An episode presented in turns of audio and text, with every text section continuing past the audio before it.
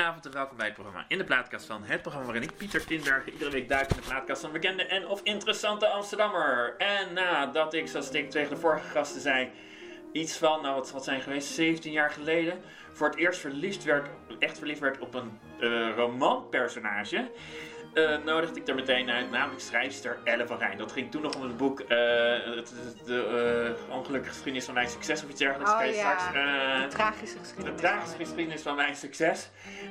nou, daarna volgden nog één of twee meer interviews toen, maar nu alweer een hele tijd niet meer. En wat bleek, een half jaar geleden kwam ik erachter, of een paar maanden geleden, dat diezelfde Elle van Rijn weer een boek had geschreven dat nou, nogal bejubeld werd, mag ik wel zeggen. Ik, ik hoorde alleen maar positief geluid erover en ook nog over een ontzettend verdrietig, maar wel extreem Amsterdams onderwerp. Namelijk de crash tegenover de Hollandse school. Kortom, alle redenen om haar weer eens uit te nodigen. Nou, zoals jullie inmiddels wel gewend zijn, niet op de gebruikelijke manier in de studio, maar bij haar thuis. Wat op een bepaalde manier ook altijd wel weer leuk is. Dus de gast afgelopen zaterdag geweest.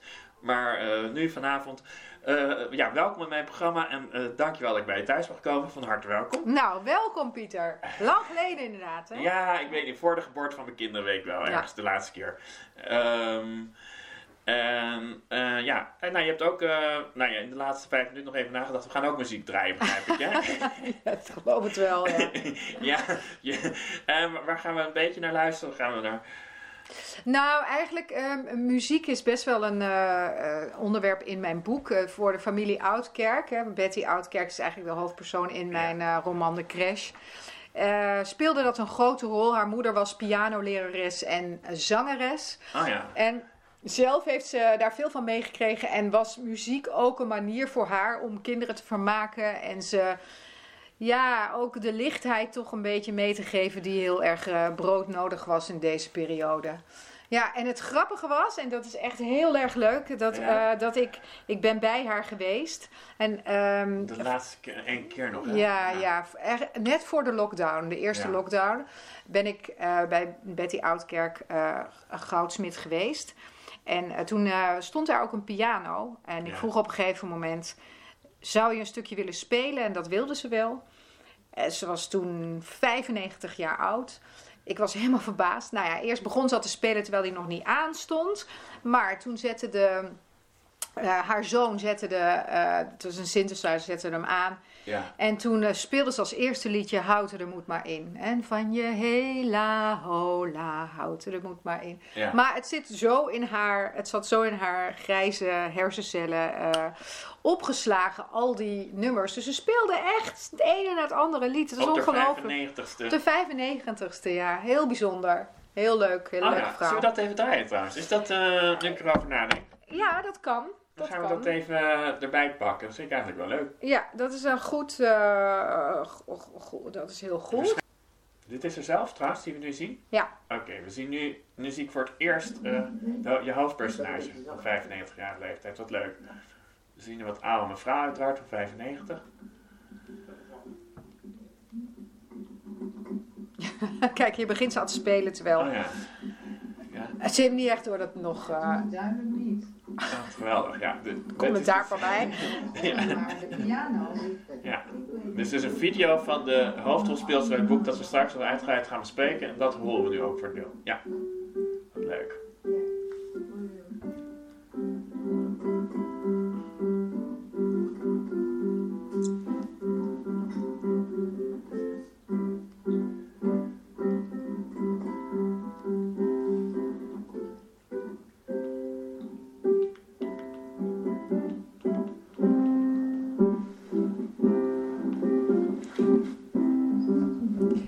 Wat anders hè, de platenkast. Ik vind het geweldig. Dat is het voordeel van. Nou ja, dat is ook natuurlijk even. Laten we even haar alle.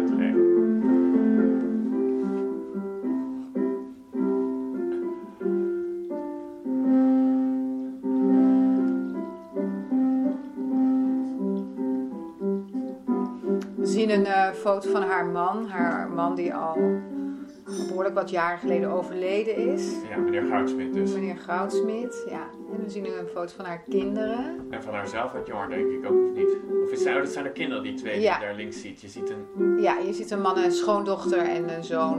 Oh ja. Je hebt zelf vier zoons en één dochter.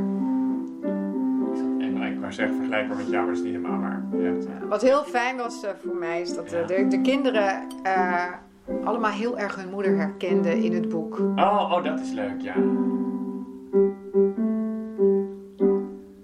En ze speelt foutloos. Ik bedoel, wat je aan geluidoverstemming hoort, heeft niet met haar spel te maken.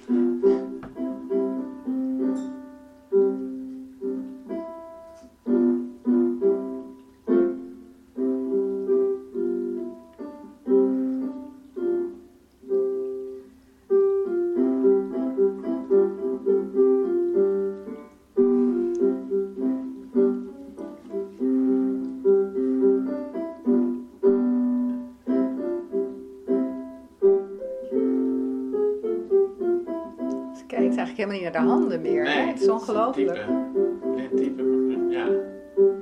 Want... Nee, slechte zanger, ja. Is dit in Amsterdam trouwens? Wonen zij in Amsterdam? Heel Ja. mooi.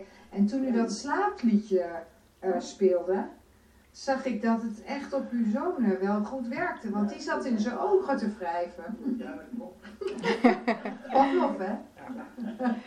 Terwijl we dit Eh. opnemen hebben we een soort drost-effect, want we zitten in de woonkamer van jou, Elle, te kijken naar een woonkamer van de hoofdrolpersonage van je boek. Eh, Ja. Die, dat is in Amsterdam. Waar was in Amsterdam thuis? Ben ik dan ook om jou Eh, dat is bij de Johan Vermeerstraat, daar op de hoek. Ja, in de Eh, concertgebouwbuurt wel. eh, bij het concertgebouw. wel, ja. hè? ja. ja. Oh, ja, nu ga ik het herkennen. Ja, en, en haar zoon David, dat was heel fijn, die zei tegen mij: Nou, ik. eh, dat, dat, kijk, als je in het hoofd van iemand gaat zitten, dus door zijn gedachten en gevoelens te beschrijven, in dit geval van Betty, Ja. dan. ehm, ja, dat is heel intiem natuurlijk en heel persoonlijk. En als dan haar zoon tegen mij zegt daarna: Het was. Je hebt mijn moeder tot leven gebracht. Gewoon tijdens het bezoek zelf bedoel je, of in het boek? Nee, na, na het lezen van het boek. Hier had Ja. ik het boek nog niet geschreven. Nee, dat snap ik. Maar eh, nou, dat, dat was wel echt een van de grootste complimenten die Ja. ik heb gekregen. Ja. Schrijf je het ook een beetje voor hen? Voor de, kinderen van eh, Betty? Ik, ik heb het opgedragen aan de, de kinderen van Betty, ja. ja. Ja, en terwijl je het schreef, had je toen ook eh, gedachten van, ik bedoel, misschien heb je een Nou. soort lezer in je hoofd dat je... Nee, nee, nee, dat niet hoor. Ik heb, eh, kijk, ik vind het mooi dat ik ze aan ze op heb gedragen. Ja. Omdat, maar ik heb het ook aan Betty's kinderen uit de crash opgedragen. Zij die zijn blijven leven en zij die zijn, zijn vermoord. Ja, die 600, 700 die zijn blijven leven mede dankzij haar. Ja, ja, ja, zeg maar om en nabij de 600.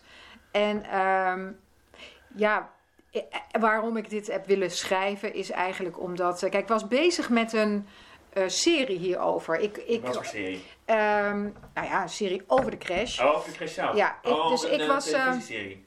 Ja, ik, ik, ehm, ik hoorde op de radio dat Johan van Hulst, dat was de directeur van de kweekschool, die lag ernaast en die heeft eigenlijk geholpen. En ik hoorde op de radio dat hij was overleden op 107-jarige leeftijd.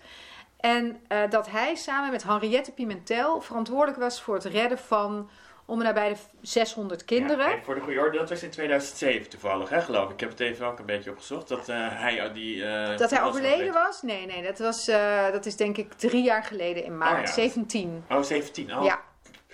Of, of 18. Ik Ja, weet het niet, moet heel vrij, even... vrij kort geleden. Kortom, het plan bestaat nog niet zo heel lang. Het bestaat nog niet zo heel lang. Ja. Ehm, ik hoorde dat hij overleden was, daar was je. Precies, ik hoorde dat hij overleden was. En ik hoorde eigenlijk, ik was zo verbaasd dat ik dit verhaal niet kende. Ja. Ik dacht, hoe kan het dat ik zo'n grote verzetsactie, dat ik dat toch... Ik had er wel eens iets van gehoord. Ik had ook de film Suuskind gezien. Maar toch dat dit zo'n grote verzetsactie... En ik kende ook de naam Henriette Pimentel niet. Dus ik heb eigenlijk meteen Polio de Pimentel opgebeld. Omdat ik, ja, ik, ik een goede vriend van mij, regisseur Polio de Pimentel... Ah, Ik dacht, dat moet familie zijn. Dus ik belde hem en ik zei van, hoe... eh, en toen vertelde hij dat het zijn oud-tante is. Was eigenlijk. Hij heeft haar nooit gekend, eh, omdat zij de oorlog niet overleefd heeft. En Pollo, ik, ik, weet, ik, ik weet sorry dat ik niet weet is een regisseur. Ehm Polio is regisseur, hij is eh, rond de 60. Oh ja, dus hij heeft net de oorlog niet mee. Nee, hij heeft de Nee, oorlog, heeft de oorlog niet meegemaakt, maar zijn- oorlog, ja. Nee, nee, nee, nee, zeker niet. En zijn vader heeft eh, met zijn opa wel in, ook in de kampen gezeten. Ze hebben de oor- oorlog uiteraard wel overleefd, anders was hij niet geboren. En ik heb, eh, ik zei toen met Polio, tegen Polio, hier moeten we toch iets, iets mee doen. En toen moet- zei hij, ja, ik was hier eigenlijk al mee bezig, maar toen kwam de film Suskind en dan weet je eigenlijk dat het daarna weer even stil ligt. Maar het Suskind is het verhaal van de verhaal met name van de Hollandse Schouwburg. Ja, En niet van de crash. Toen zei ik, nou dan gaan wij daar zelf een serie van want ontwikkelen. even, Pollo die heeft dus, eh, zeg, zeg, zeg je Pollo of Pollo? Polio. Pollo, een beetje op zijn eh, Spaans. Ja. Ehm, en heeft hij, aan die, heeft hij aan die film wel meegewerkt? Eh, Nou ja, nee, die serie die zijn we aan het ontwikkelen. oh ja, sorry. Ja. Laat me even uitpraten, Pieter. Nou, die serie die zijn we aan het Ja. ontwikkelen. Eh, maar je weet hoe dat is met series. Eh, er is, dat zijn hele lange trajecten. Bovendien, het kan ook zomaar stranden. Maar ik dook alleen al omdat, om zo'n pitch hè, van, van zo'n serie goed te kunnen voorbereiden, moet je heel erg in die research duiken. En ik dacht, toen ik eenmaal het echte verhaal eh, eigenlijk doorkreeg van wat er nou eigenlijk allemaal precies Ja. gebeurd was, toen ik daar steeds meer over las, dacht ik, dit verhaal moet doorverteld worden. Ja.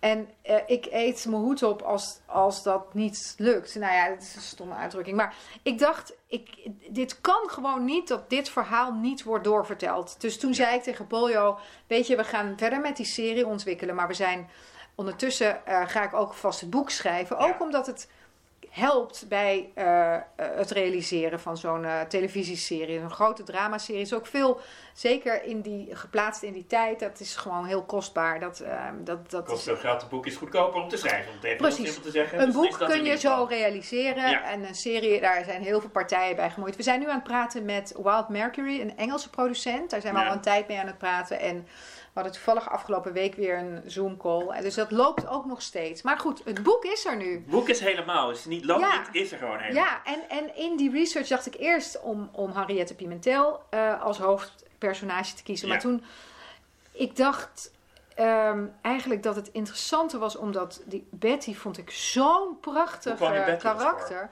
karakter. Nou, in die verhalen en ook door, eh, het, de, er is een biografie over haar geschreven door Esther Geubel. ehm, Betty, een kinderverzorgster, een Joodse kinderverzorgster. Ja. Ehm, ook een heel goed boek. Heel, en, en daar had ik al heel veel informatie uit. Nou, en in alle. Er zijn ook veel meer eh, personages die daar een rol in hebben gespeeld. Ook de meisjes Cohen bijvoorbeeld, de zusjes eh, Viri en Mirjam Cohen. Dochters van David Cohen. Maar dat is ook wel weer een hele. eh, dat ligt allemaal natuurlijk heel gevoelig. Maar hij was de voorzitter van de Joodse Raad. ja. Zij is een iets minder ehm, gevoelig iemand, zou ik maar zeggen. Zij is een iets... Nou ja, zij stond daar, kwam daar vrij meer blank, blanco eh, in. En anders ga je het ook over de Joodse Raad hebben. Daar wilde ik het niet over Nee. hebben. Ik wilde het over dit verhaal hebben. En weet je, het verhaal van Betty is... Betty was ook heel stout. Ze was heel Jong. ondeugend, stoutmoedig, eh, grappig. Heel grappig. En jong. Dus het is ook inderdaad wat jij zegt. Het is een soort van coming-of-age verhaal. Ja. In een tijd, hè, volwassen worden in een tijd die eigenlijk steeds gruwelijker wordt. Dat is, ja... Nee, dat- want wat ik er inderdaad ook wel leuk aan vond, of ja, eh, het zit allemaal laag natuurlijk in, maar het is ook gewoon een 17-jarig meisje dat dapper Ja. is. Ja, ja. En ik neem dat je dat er ook heel bewust in hebt zitten willen hebben. Ja, zeker, zeker, zeker. Ook om het, ik, ik, ik zou het heel mooi vinden als ook jongere mensen dit zouden lezen. Om, Ja. om, om te kijken van, hè, wat... Zij is afgelopen jaar overleden. Ja. Zij heeft dat allemaal meegemaakt. In Dat- juni het hè, lijkt voor ergens. ons- Eh, ja, in juni is ze overleden. Maar het Ja. lijkt zo ver weg voor iedereen. En dat, dat is het op een bepaalde manier ook. Maar de mensen die daar dat hebben meegemaakt, maar ook de mensen die. eh, ja, de, de, je hebt de eerste generatie trauma, tweede en Ja. derde, die daar ook de naweeën van hebben moeten ondervinden. Voor hun is het ook nog altijd eh, heel essentieel, heel, heel eh, tastbaar bijna. En, en ja, ik, ik, en, en ik vind ook, hè, als je kijkt naar deze tijd, Ja, ja, dan moeten wij daar toch iets mee met ja. qua opkomend populisme en, en het uitsluiting van groepen mensen en zo. Dan denk ik, Jezus, dit Nee, is zo'n voorbeeld van. Nou, het is niet goed dat ik er Jezus bij haal, maar je begrijpt wat ik bedoel. Jezus, een uitdrukking. Ja, potverdikkie. Ja, nou ja, ik dacht ook, ik bedoel, ik had natuurlijk verschillende gedachten. Eh nou, laten we even beginnen bij de kern, want wij spreken natuurlijk al heel erg van voorkennis, want ik heb het gelezen, Ja. ik heb het geschreven. Ehm, de, de kern van wat er daar gebeurd is. Je hebt daar, eh, de Joden worden vervolgd, dat weet iedere luisteraar, mag ik hopen. Maar vervolgens heb je een plek waar ze verzameld worden en er tegenover zit een crash. Klopt. En dat Eh, is allemaal aan de plantage Middelaan, vlakbij eh, de Artus. Ja, helemaal goed. Dus ehm, wat, wat er gebeurde is dat, kijk, op een gegeven moment hadden ze dan bedacht dat eh, de Duitsers hadden bedacht dat al die Joden, die moesten eh, zo snel mogelijk gedeporteerd worden. Eerst naar Westerbork en daarna door naar het oosten. Nou, nou, dat, dat weten we ook, dat verhaal, naar Ja. al die vreselijke concentratiekampen. En eh, om, ze merkten in het begin dat de, de eerste keer dat de oproepen werden verstuurd, dat was in juni 42 was dat. eh, dat er toch heel veel mensen eh, daar eigenlijk helemaal geen gehoor aan gaven, terecht. Eh, het was toen nog vooral aan, aan jonge mannen gericht en die gaven daar geen gehoor aan. Nou, en het werd chaos. En zo ontstonden die razzia's in de straten, omdat ze ja, ze gingen toen heel veel mensen ja. oppakken met de dreiging: als jullie nu je niet melden, dan gaan we deze mensen allemaal doorsturen. Nou ja, dat daar een groot masterplan achter zat en hoe geleidelijk eigenlijk dat ook ging. Hè? Dat, dat, dat wilde ik eigenlijk ook aangeven met dit boek. Ja. Dat, dat eh, eigenlijk is het begonnen met eh, kampen voor werkeloze mannen. Ja. Eh, in het oosten van het land. Ja. Ook Joodse en niet-Joodse mannen. En daar, daar begon het aan mee. Toen hadden ze een soort van in de bos- en tuinbouw, dus een soort werkkampen bedacht. Ja, brieven daar vandaan, zogenaamd, ze hebben het goed hier. Ja, ja, ja, precies. En, eh, maar ja, er werden natuurlijk steeds meer Joden werkloos, want die mochten hun werk niet meer doen. Nee. Dus, en zo, eh, je, die stappen, die wilde ik eigenlijk ook laten zien, dus dat zie je ook. Maar in ieder geval zijn we nu in, in, in eh, 42, waarin die crash fungeerde als gewoon eh, eerst een normale crash voor, Ja, voor ook Joden en Een niet-Joden. derde van je boek is het eigenlijk gewoon een normaal iemand die in een, in een crash werkt voor niet-Joden en de Joodse mensen. Ja, Dat, eh, nou, als paar- zij- Eerst een paar hoofdstukjes. Precies, de, nou, als zij begint, dan is het net het moment eigenlijk dat zij zelf van de huishoudschool is gestuurd. Een christelijke huishoudschool, omdat zij daar niet meer welkom is als Joodse. Ja. En alle Joodse meisjes, die bij de, of niet-Joodse meisjes die bij de crash werkten, die zijn daar ontslagen, omdat die mogen daar niet meer werken. Dat is allemaal opgelegd, door, allemaal geregisseerd door, voor, door de Duitsers, de Duitse bezetters op dat moment. Nou, Slim. Ehm, op, op dat, eh, dat, dat ging eerst, ging dat, was dat inderdaad gewoon het crash, de crash die in bedrijf was. Totdat ze bedachten, nou dit is toch wel een beetje chaotisch. Ga verder. Ja. Dit hele gedoe met, eh, met die deportaties en mensen die niet willen. En dat ze de Joodse Schouwburg, de, de, Hollandse Schouwburg, hebben aangewezen als deportatieplek. Dus mensen moesten daar verzamelen, werden eigenlijk gewoon gevangen gezet Ja. in die schouwburg, die daar ook totaal niet op berekend was. Nou, dat werd natuurlijk één grote chaos. En na een tijdje heeft Walter Suskind, die daar het beheer had. Eh, de- dat deden ze natuurlijk ook, die Duitsers deden dat heel slim. Die we- wezen dan Joden aan die dat allemaal ook nog moesten Ja. regelen. Ze delegeerden het aan de Joden zelf, zeg maar. Precies, Die Walter Suskind was echter nog slimmer, want die speelde het spelletje met de Duitsers mee. En eh, ondertussen hielp hij heel erg veel Joden. En zo Ja. kreeg hij het plan, samen met de directrice van eh, de Joodse crash, om kinderen naar de overkant te brengen. Ja, mevrouw omdat de Pimentel, waar we het net over hadden. Ja. mevrouw Henriette Pimentel, omdat het was natuurlijk chaos in de crash, eh, er werd geschreeuwd, dus iedereen, die, die Duitse soldaten hadden daar ook last van. Dus iedereen vond het uiteindelijk beter eh, dat die kinderen overdag en s'nachts voortaan, tot ze het moment van deportatie, en dat kon soms eh, dagen, soms ook echt weken duren, in de crash verbleven. Ja. En van daaruit hebben ze toen, zijn ze toen langzaam eh, kinderen gaan wegsmokkelen. ja. En op, nou ja, eh, zullen we even muziek doen en dan gaan we daarna eh, hoe ze dat deden en hoe je dat hebt op papier gezet. Ja, welke muziek? Ja, ehm, Eh, welke muziek? Nou, ehm, ik denk dat het wel mooi is om ehm, een liedje uit die tijd te doen. Prima. Een Joods kinderliedje. Donna, Donna, Donna. Het is dit wel in het Engels vertaald. Dat is wel later gebeurd. Maar ik vind dit een, eh, een hele mooie versie trouwens ook. mooi. En dat komt ook nog in je boek op een, eh, nou, een grappig en verdrietige manier terug eigenlijk, dat het liedje. Daar heb ik weet me te herinneren. Wat zeg je? Dat, liedje wat we nu horen komt er ook nog in je boek even Ja, dat In- komt in ook een soort nog. kleine anekdote die gelukkig een beetje verpest misschien, maar goed afloopt in dit geval. Ja, die loopt goed af. Dus nou, hier komt ze. Donna, Donna, Donna.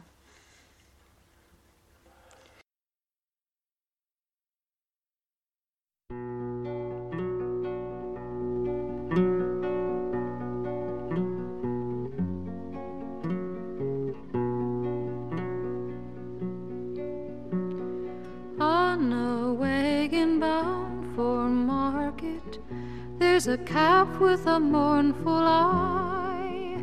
High above him, there's a swallow winging swiftly through the sky. How the winds are laughing,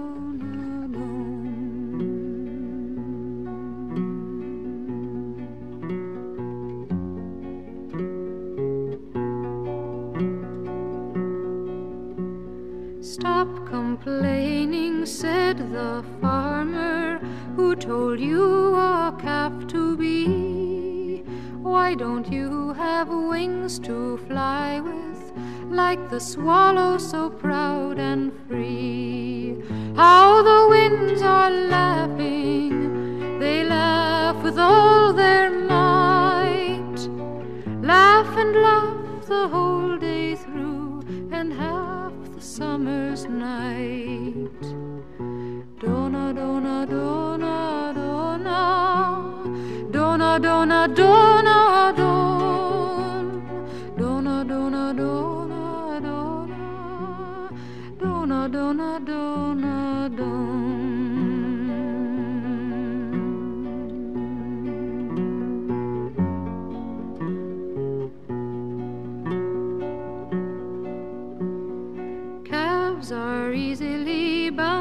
slaughtered, never knowing the reason why. But whoever treasures freedom, like the swallow has learned to fly.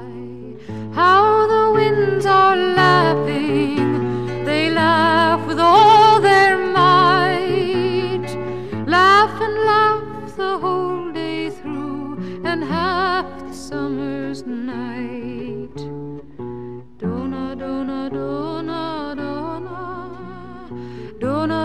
En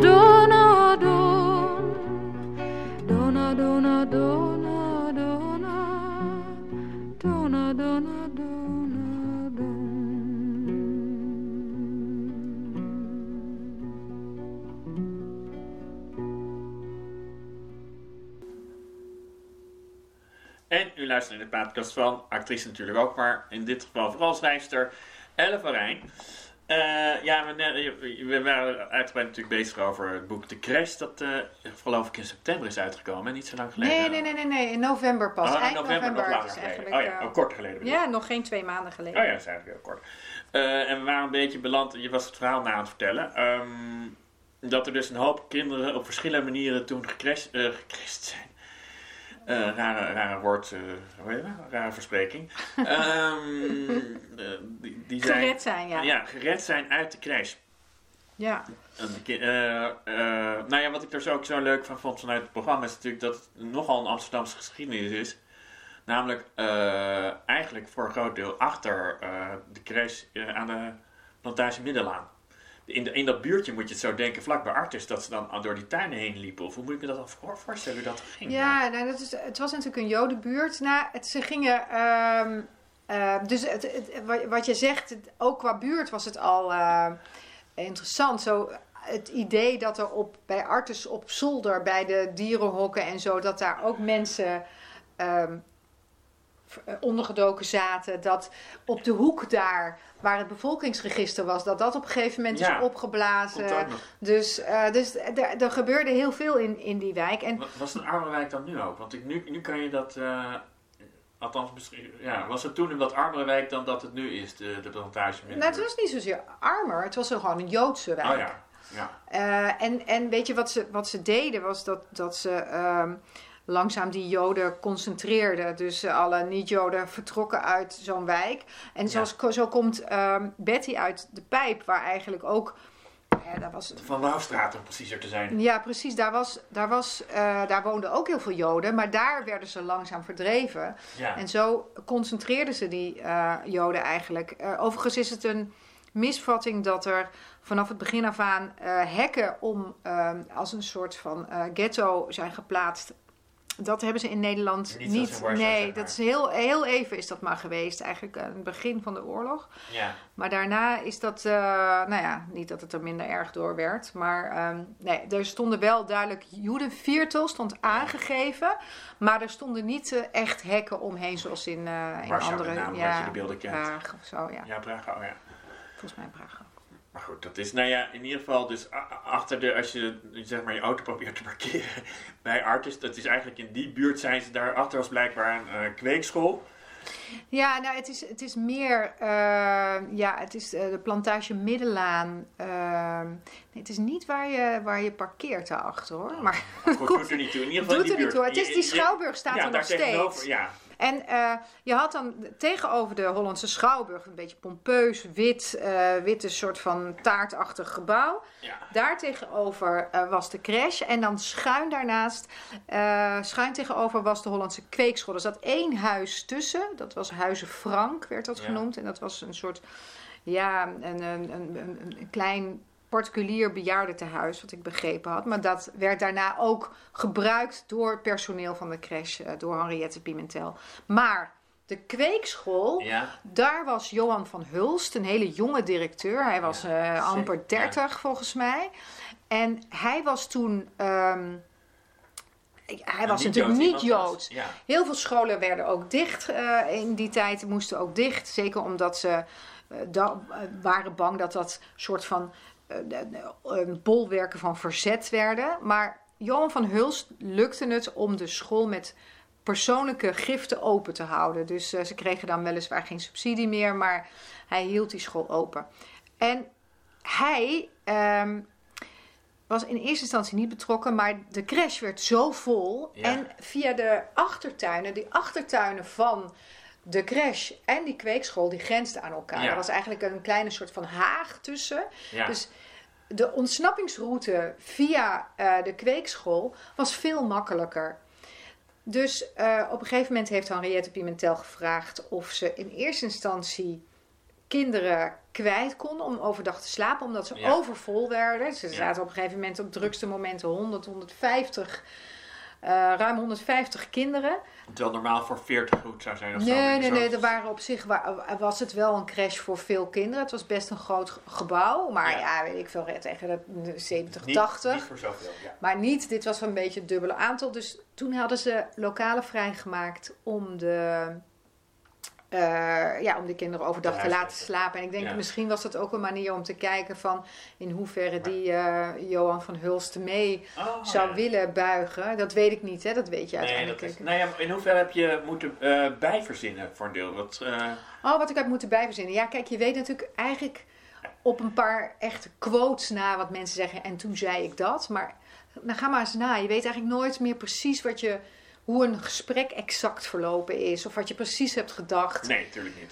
Dus eh, ja, ik heb eh, wat betreft Betty ben ik zo dicht mogelijk eh, bij de waarheid gebleven. Als in bijvoorbeeld dat ze van dat touw. ja, dus dat is dan een gegeven. Hè? Dat ze, op een gegeven moment zijn de kinderen zo onrustig. Ze Ja. moesten ook allerlei dingen verzinnen om ze rustig te houden. Die kinderen waren natuurlijk ook totaal ontheemd en, en on- ongelukkig en, en, en zenuwachtig. En eh, toen zei ze, als jullie nou stil zijn, dan laat ik me met een touw naar beneden zakken. Vanuit de, de bovenste verdieping. Nou, dat wilden ze dan wel eens zien. Ja. Nou, en wat, wat ze niet had verwacht, is dat eh, de kinderen daadwerkelijk stil waren. En dat ze zich naar beneden liet zakken. Nou, dit is dan het verhaal. ja. Hoe dat dan precies is gegaan, dat Kijk, snap je wat ik bedoel? uit je boek had ik ook niet, was ik niet veel verder gekomen dan dit. Wat dat betreft blijft dat ook wel bij. Dus ja, ja, ja dat, dat, dat, beschrijf je dan natuurlijk. Nou ja, dat beschrijf je en ook Ja. hoe het ontstaat. En eh, ik heb ook de liefdeslijnen, daarvan weet ik vrij weinig. Behalve Nee. dan dat, eh, ja, dat ze op de ene jongen eh, Nee, er komt er zeker Joop. niet- Ja, eh, erg, erg, eh, erg gek was. Het is eigenlijk haar grote liefde, maar dat hij al vergeven was aan een niet-Joods meisje. Was al verloofd. christelijke dame. Ja, en, en eh, van die andere, dat was haar eerdere vlam, maar Want dat is een van de weinige. Op het laatst schrijf je natuurlijk heel logisch, wat ik ook hoopte natuurlijk als lezer, van hoe is het verder met ze gegaan. ja. En Leons, maar misschien heb ik het gemist. Er staat hij dan nog in wat er met hem uiteindelijk gebeurd is, of niet? Nou, ik heb die namen, nee, die heb ik niet gedaan. Omdat, kijk, hij komt er minder goed van af. Ja, hij is een beetje. En eh, nou, zij heeft kennelijk heeft, is, voelt zich, heeft zich niet zo goed behandeld gevoeld door hem. Ze zegt ook in die, je hebt die Shoah-interviews en daar, Ja. noemt ze, daar, daar zegt ze zelfs dat het een slappeling is. En dan Ja. nog iets sterker verwoord. Dat zal ik niet herhalen nu. Nee. Maar ehm, eh, nee, eh, terwijl diegene is, is daarna heel bekend iemand geworden. Dus Oh. ik ga niet zeggen wie dat, eh, wie dat is. Nee. Oké, nou ja, goed. Ja, nee, Nou ja, oké. bekend in de, als in, In bepaalde kringen is prominente... ja, In bepaalde kringen is hij bekend. Ja. Maar wat ik dan wel leuk vind om te weten, omdat ik het ook een gezellig iemand vind beschreven in het boek, hij heeft het overleefd. Hij heeft het zeker overleefd en heeft heel veel betekend daarna. Eh, ook voor kinderen nog. Dus dat is echt heel erg bijzonder. Ja, oké. nou, hoe dan ook, dat, dat wil ik. Oké. dat, Nee, ja, ik- eigenlijk, ik- eh, want dat vraag je natuurlijk bij iedereen af die in jouw boek voorkomt ongeveer. Maar Gaat hij het overleven? Nou ja, kijk, Dat kijk ik- en, ja. en jij vraagt van wat. Dat, dat is natuurlijk ook best ligt best gevoelig. Hè? Dus dat. Ik heb bijvoorbeeld Sini en Harry. Daar wist ik ook bijvoorbeeld die huwelijksscène. Daar wist ik daarvan. Maar daar heb ik ook natuurlijk best veel ingevuld. Naar aanleiding van de interviews die ze Ja. hebben gegeven. eh, heb ik daar personages van bedacht. Even Nou- voor de eh, duidelijkheid, er gaan twee Joodse mensen in het boek trouwen. Ja, dat is een vriend, beste vriendin van Betty, Ja. zij heet Sini. En dan eh, Harry, die werkt voor de Joodse Raad als boodschappenjongen. En zij worden verliefd op elkaar. Heel Ja, erg. Prima, eh, het zijn jonge ja. mensen. Maar ook Viri en ook twee andere kinderen. Dus er zijn, een klein groepje is betrokken bij die smokkelacties. Heel veel Ja. andere kinderverzorgsters. Ja, of ze het weten, ik denk het wel. Maar die zijn niet actief betrokken. Nee. Dat zijn er eigenlijk maar ehm, ja, drie, vier. Maar er is eigenlijk bijvoorbeeld ook nog iemand anders. eh, dat heet, zij heet Fanny Philips. En ik weet niet eens of zij de oorlog heeft overleefd. Van haar weet ik echt niets. En op dat moment moet je heel veel gaan invullen. En heb ik er uiteindelijk voor gekozen om haar toch niet op te voeren. Het is altijd ingewikkeld. Ja, met had- echt... had je relatief vergeleken met al je andere boeken eh, relatief veel rare dilemma's waar je opeens voor kwam bij dit boek? Dat je dacht van, wat zou ik met dit informatietje doen? Of zou ik het erin verwerken?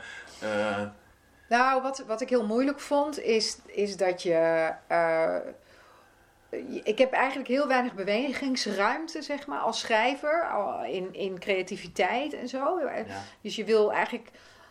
Je wil het zo waarheidsgetrouw eh, mogelijk vertellen. ja, Eh, om, want, want over dit, dit ligt zo gevoelig en je wil, je wil het verhaal eer aandoen. Tegelijkertijd moet je mensen van vlees en bloed opvoeren. Dus dat Ja. zijn mensen met ook zwaktes, ook twijfels, ook humor die misschien niet impulsieve... iedereen begrijpt. Wat zeg je? Humor die misschien niet iedereen begrijpt. Eh, ja, met, en weet je wel, bijvoorbeeld het hele boy meets girl. Want je denkt, Ja. oh, het is een hele andere wereld. Iedereen was dag en nacht met de oorlog bezig. Nou, we zitten nu in een pandemie. En oké, het is helemaal niet zo erg. Maar het was dat hele eh, tussen jongeren. Ik heb heel veel kinderen in die leeftijd van Ja. Betty toen.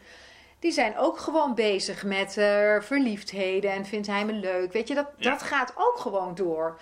Dus ehm, ja, dus de- hoe, dat, ik vond, het was niet zozeer een dilemma als wel eh, een hele dunne, ehm, een heel dun koord waarop ik balanceerde. Zo'n gevoel had ik.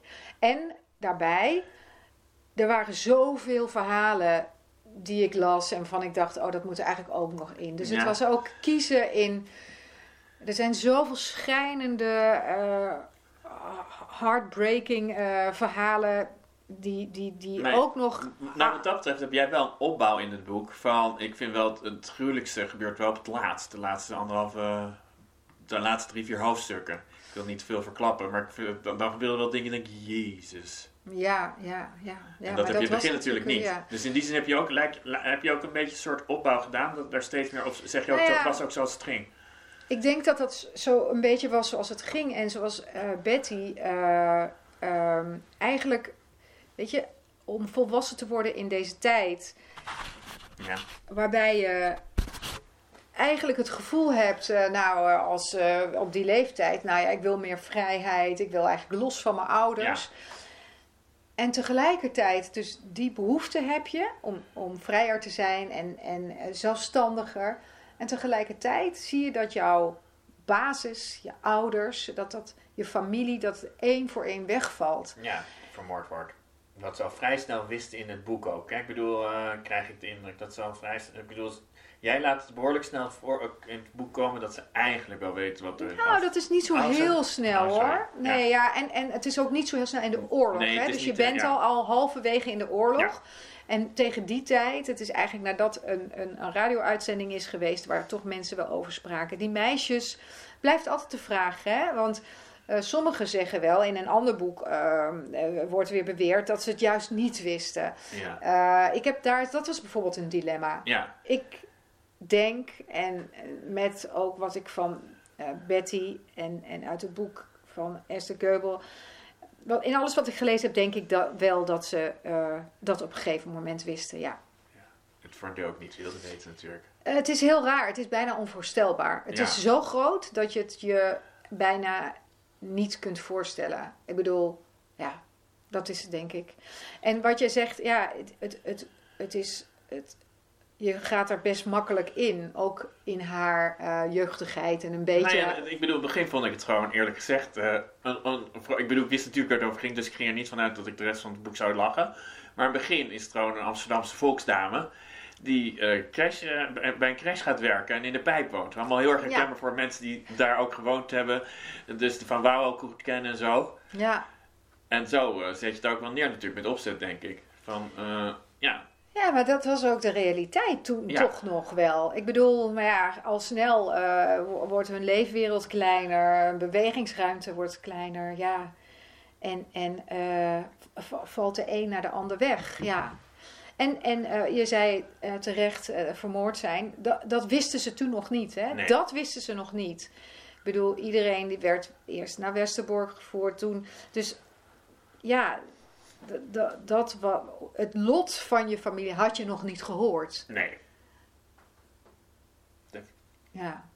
Misschien tijd voor Ja, muziek? tijd voor muziek, ja. Waar gaan we nu naar luisteren? We gaan nu luisteren naar een Joods componist, eh, Mendelssohn, die ehm Lieder on a Water speelt. Van, ja, eigenlijk, ik laat dat voorbij komen in het boek. Dat speelt de moeder van Betty als ze in bed ligt, waarbij ze weg kan dromen.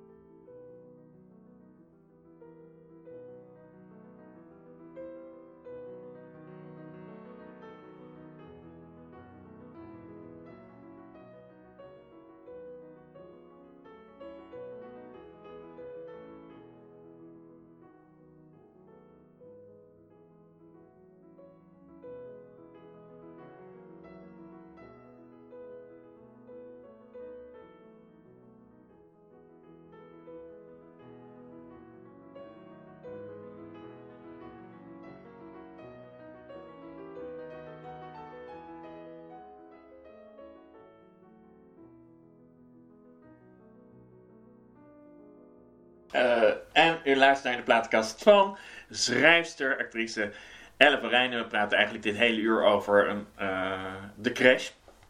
Het boek dat ze in november het levenslicht liet zien.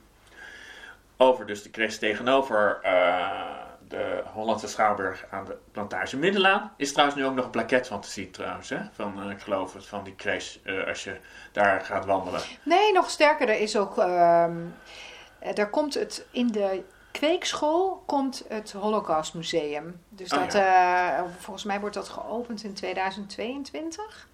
En eh, ik heb begrepen dat het gefinancierd wordt voor een groot deel door eh, de Duitse overheid. Ja, maar daar, ik, er is nu natuurlijk al een Holocaustmuseum. En in de, in, je kunt de Hollandse Schouwburg bezoeken. En het was, daar was een tijdelijke expositie in de kweekschool, maar dat wordt nu het museum. oh ja.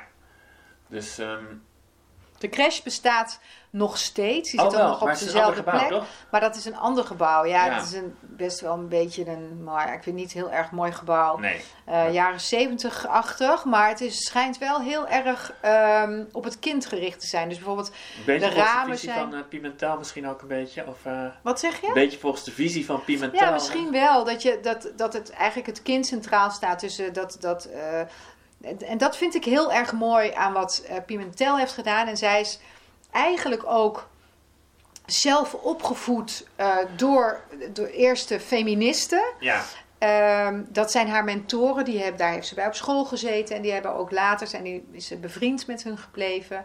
Twee vrouwen. En eigenlijk binnen het domein van de kinderopvang, dat was een beetje het, het vrouwendomein, hè? onderwijs, kinderen. Daar hebben zij behoorlijke, ehm, ja, daar, konden zij als vrouwen eigenlijk ehm, een behoorlijke ontwikkeling in doormaken. Waarbij ze het kind als individu gingen zien. En eh, de Vreubelschool, eh, Ja. een zogenaamde Vreubelschool, waarin je kinderen creatief laat zijn en ze, ze hun eigen persoonlijkheid kunnen ontwikkelen. En eigenlijk is het die hele ontwikkeling die ehm Henriette heeft doorgemaakt, die haar ook zo sterk heeft gemaakt dat ze haar eigen studenten, de kinderverzorgsters die in opleiding waren bij haar, eh er eigenlijk zo zelfstandig en zelfbewust en moedig. Snap je? Het is ja, echt- ja nee, want ik zat nu, nu ook wel over haar praat, denk volgens mij heeft zij wel, jij dus, Elle Verijn, ook een beetje, even een paar twijfeldagen gehad van zou ik nou over Pimentel of zou ik over Betty schrijven? Nou, nee. Zie ik dat verkeerd? Eh, Nee, ehm, ik heb. Nee, nee, nee. Ik, kijk, Pimentel is, is, is. Misschien komt hij niet zo. eh, het komt wel echt aanzienlijk minder voor. Maar ik vond de dilemma's van zo'n jong meisje. vond ik eigenlijk sterker om dit verhaal mee te vertellen. En ook mee in te gaan als lezer Ja, dan eh, dat je het verhaal van een toch 67-jarige vrouw die eigenlijk al heel veel hebt meegemaakt. Want, want op het moment is- dat je daarin gaat, dan moet je die hele backstory van haar weer.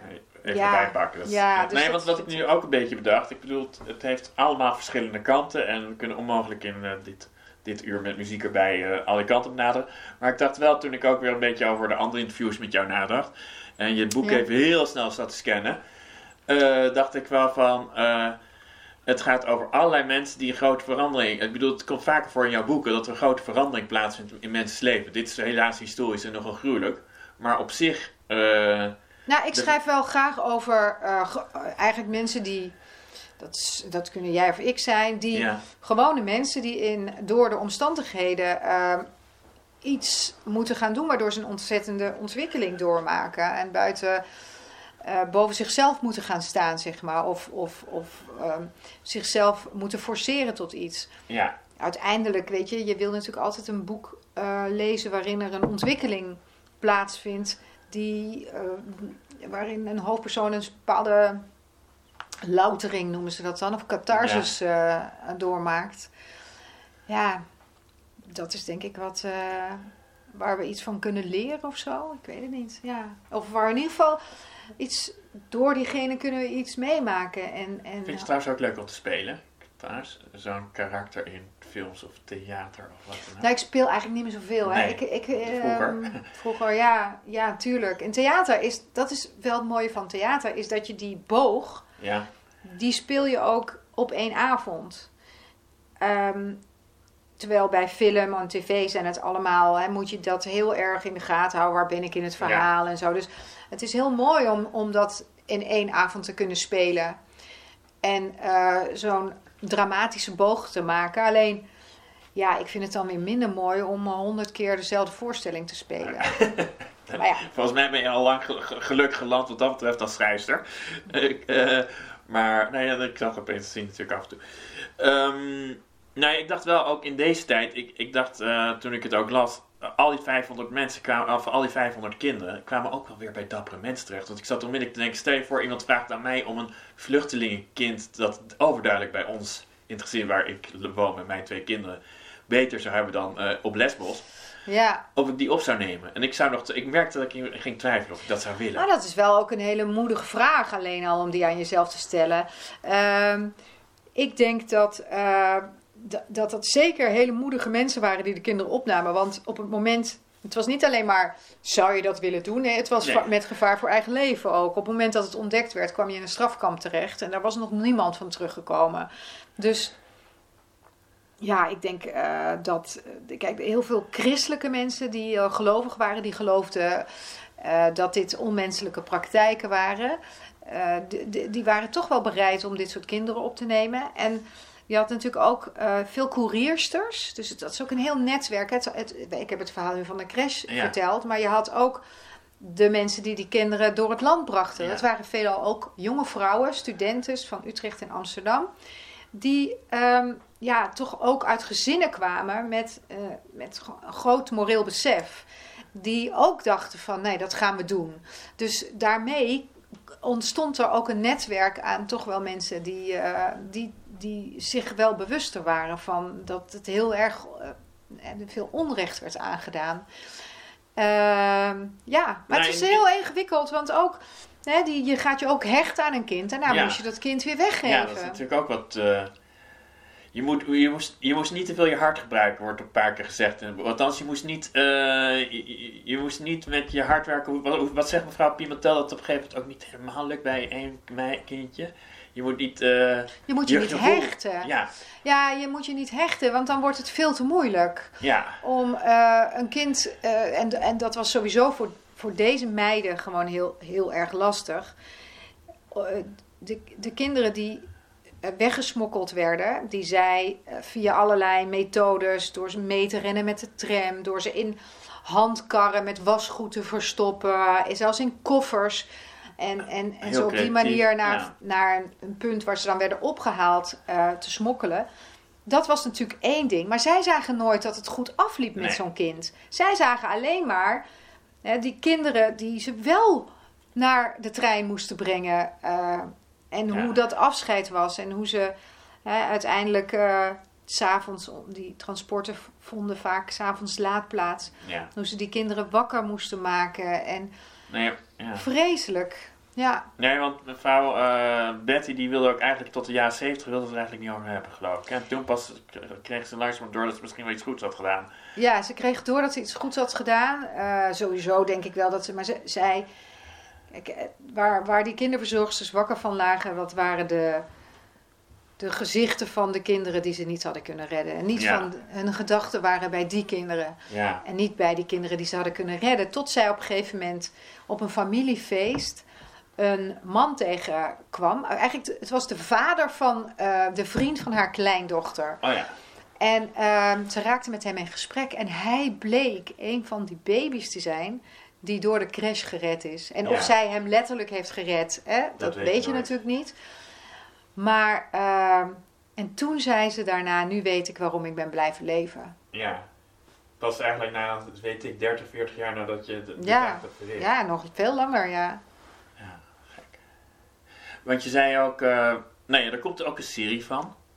Nou ja, dat, dat, daar zijn we nog mee daar zijn bezig. nog druk ja. mee bezig. Eh, zou- eh, niet, niet één op één met, de- met, de- met dit boek, neem ik aan. Het is dan toch maar meer het verhaal van de crash, neem ik aan. Of als het Ehm, er komt. Nou ja, dat, dat ligt eraan. We zijn nu met een producent aan het praten. En jij hebt dan ook, die willen dan ook, denk ik, eh, dat verhaal van die studenten die de kinderen Ja. door het land. Dat is ook heel spannend. Ja, dat is dat En, ook, eh, en ook de onderduikgezinnen. En waar kwamen die kinderen terecht? En, en, en inderdaad, de meeste kwamen wel op zich goed terecht. Er waren ook kinderen die helemaal niet zo goed terecht kwamen. Want onderduikers werden soms ook, zeker de grotere kinderen, die konden een schattig klein kindje, ja, die, die hechten zich ook nog aan je. Maar ja, de, de, de, de 13, 14-jarige Nee. jongens probeerden Ja. die maar eens weg te zetten. De broer van... Nou goed, ik, ik, moet- nee, ik moet niet te veel verklappen. Maar... eh, Ah, ja. ja, nee, maar dat klopt. En, nou, en dan en was er soms ook sprake van, van echt wel misbruik. Misbruik in de zin van dat, dat, dat eh, die mensen gebruikt, die jonge kinderen gebruikt werden om, eh, om op het land heel veel te werken. Ja, Of, dus zowel eh, gewoon seksueel misbruik als gewoon misbruik van te geven dat je een wat eh, handjes erbij hebt, zou ik maar zeggen. Ja, precies. En, en, ook, ehm, en, en ook al was dat niet aan de, aan de hand, dan nog was de, de trauma's die mensen hebben eh, gekregen doordat ze gewoon twee jaar lang in een of andere kruipruimte moesten Ja. blijven. Nou, dat is toch ook echt Nee. Ja, ik bedoel, je gaat vanzelf ook fantaseren over hoe zou ik het, zou ik het doen met mijn Ja. kind. Dat lijkt me maar nogal, we vinden het al heel moeilijk om ze niet naar school te brengen. Ja. Laat staan om ze in één hele kleine ruimte vrijwel non-stop. Ik bedoel, wat dat betreft, eh, alle ontzag voor de mensen die het hebben moeten ondergaan. Ehm, nee, want je zei ook, eh, te- eh, begin van dit gesprek gewoon tussen ons, eh, dat er een hoop dingen zijn die je laat leren. Stel je voor, je, je mag, of misschien ben je het ook van plan, eh, nog een boek schrijven aan de hand van de research die je gedaan hebt voor dit boek. Waar zou dat dan over gaan? Nou, daar heb ik echt wel over nagedacht. En in, in eerste instantie dacht ik van het verhaal van eh, de onderduik van Betty. Is ook, dat is ook een heel erg... eh, Waar dit boek stopt als het ware. Ja, waar dit dus zeg maar deel 2 is heel Ja. interessant. Dan, dan is ook het, het- een aantal ehm studentes, waaronder Iets van Dijk, vind ik heel interessant voor een. eh, zij was een van de meest fanatieke koeriersters. Die ja, soms ook in het begin eh, kinderen een soort van te vondeling voor de deur moest leggen bij mensen. Ja, Ehm, en dan had je ook een hele moedige eh, en bijzondere vrouw was Hanna van der Voort. En zij was vroedvrouw in Limburg, in Tienhoven. Zij heeft honderden gezinnen, nou ik weet niet honderden, maar 150 of zo, eh onderduikadressen weten te regelen. Dat is ook een heel mooi verhaal. het zijn eigenlijk honderdduizenden verhalen. Ja, er zijn nog zoveel verhalen. Ja, dat dus klopt. dat voor Ja, op anderen misschien ook nog wat te doen. ja, We zijn nu langzaam bij het einde van de uitzending. ja. Ehm, Zal ik waar- nog een liedje zeggen? Ja, waar gaan we mee eindigen? Ehm, als de lichtjes van Amsterdam. Dat ja, vind gaan we ik heel snel mooie. eindigen. Ja. Eh, dit was een, een nummer wat geschreven is, ehm, wat eigenlijk best wel omstreden is hoor. Omdat als de lichtjes op, oh nee, als op het Leidseplein de lichtjes weer eens branden gaan. Als op het Leidseplein de lichtjes weer eens branden gaan. Ik heb trouwens een heel mooie versie nog van die. eh, eh, ik zal eventjes, die kan ik wel eventjes doorsturen. Dat heeft een vriendinnetje van mij gezongen. Zij, Pip Alblas heeft voor mij een medley gemaakt. Eh, en daar zingt ze eerst. Dat, dat zal ik wel echt hoor. Naderen nu het einde van de uitzending. Waar gaan we mee eindigen, Ella? Ja, we zijn eigenlijk, ik, ik wil twee korte stukjes laten horen. Eentje is eh, Lili Marleen. En eh, gezongen door Pip Alblas. Zij is een eh, hele jonge eh, zangeres. Ehm, niet zo bekend nog, maar ik vind dat ze echt bekendheid verdient. Lili Marleen was natuurlijk door Marlene Dietrich later vooral heel erg bekend geworden. Maar in die tijd was het best wel gek, want het was een nummer wat zowel door de geallieerden als door de Duitsers gezongen werd. En het komt ook voor in, in mijn boek. Ja. En daarna wil ik eigenlijk het bevrijdingsliedje, eh, als op het Leidseplein de lichtjes weer eens branden gaan, laten horen. Eh, omstreden nummer, omdat de schrijver, Jacques van Tol, eh, eerst was hij volgens mij een NSB'er zelfs. En daarna switchte hij van kant. Dus dat is nogal een ding geweest. Maar het wordt in, in Amsterdam echt wel als het bevrijdingslied gezien. Dat is ook gewoon een goede tekstschrijver, toch? Ja. ja. Niet natuurlijk nadat ik je heel hartelijk heb bedankt voor je komst. En aan te kondigen dat over twee weken ik nog geen idee wie of wat gast komt. Maar ongetwijfeld wel een heel interessant. Vast.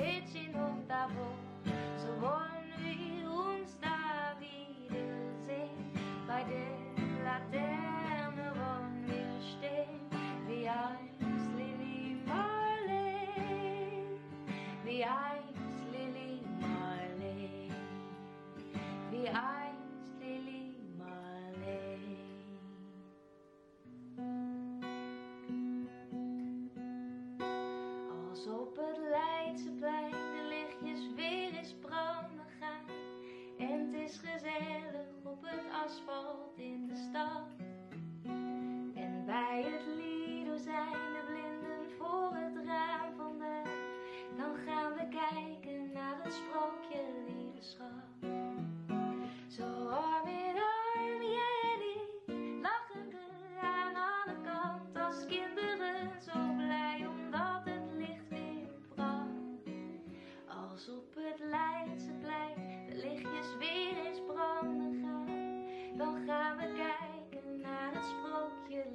başka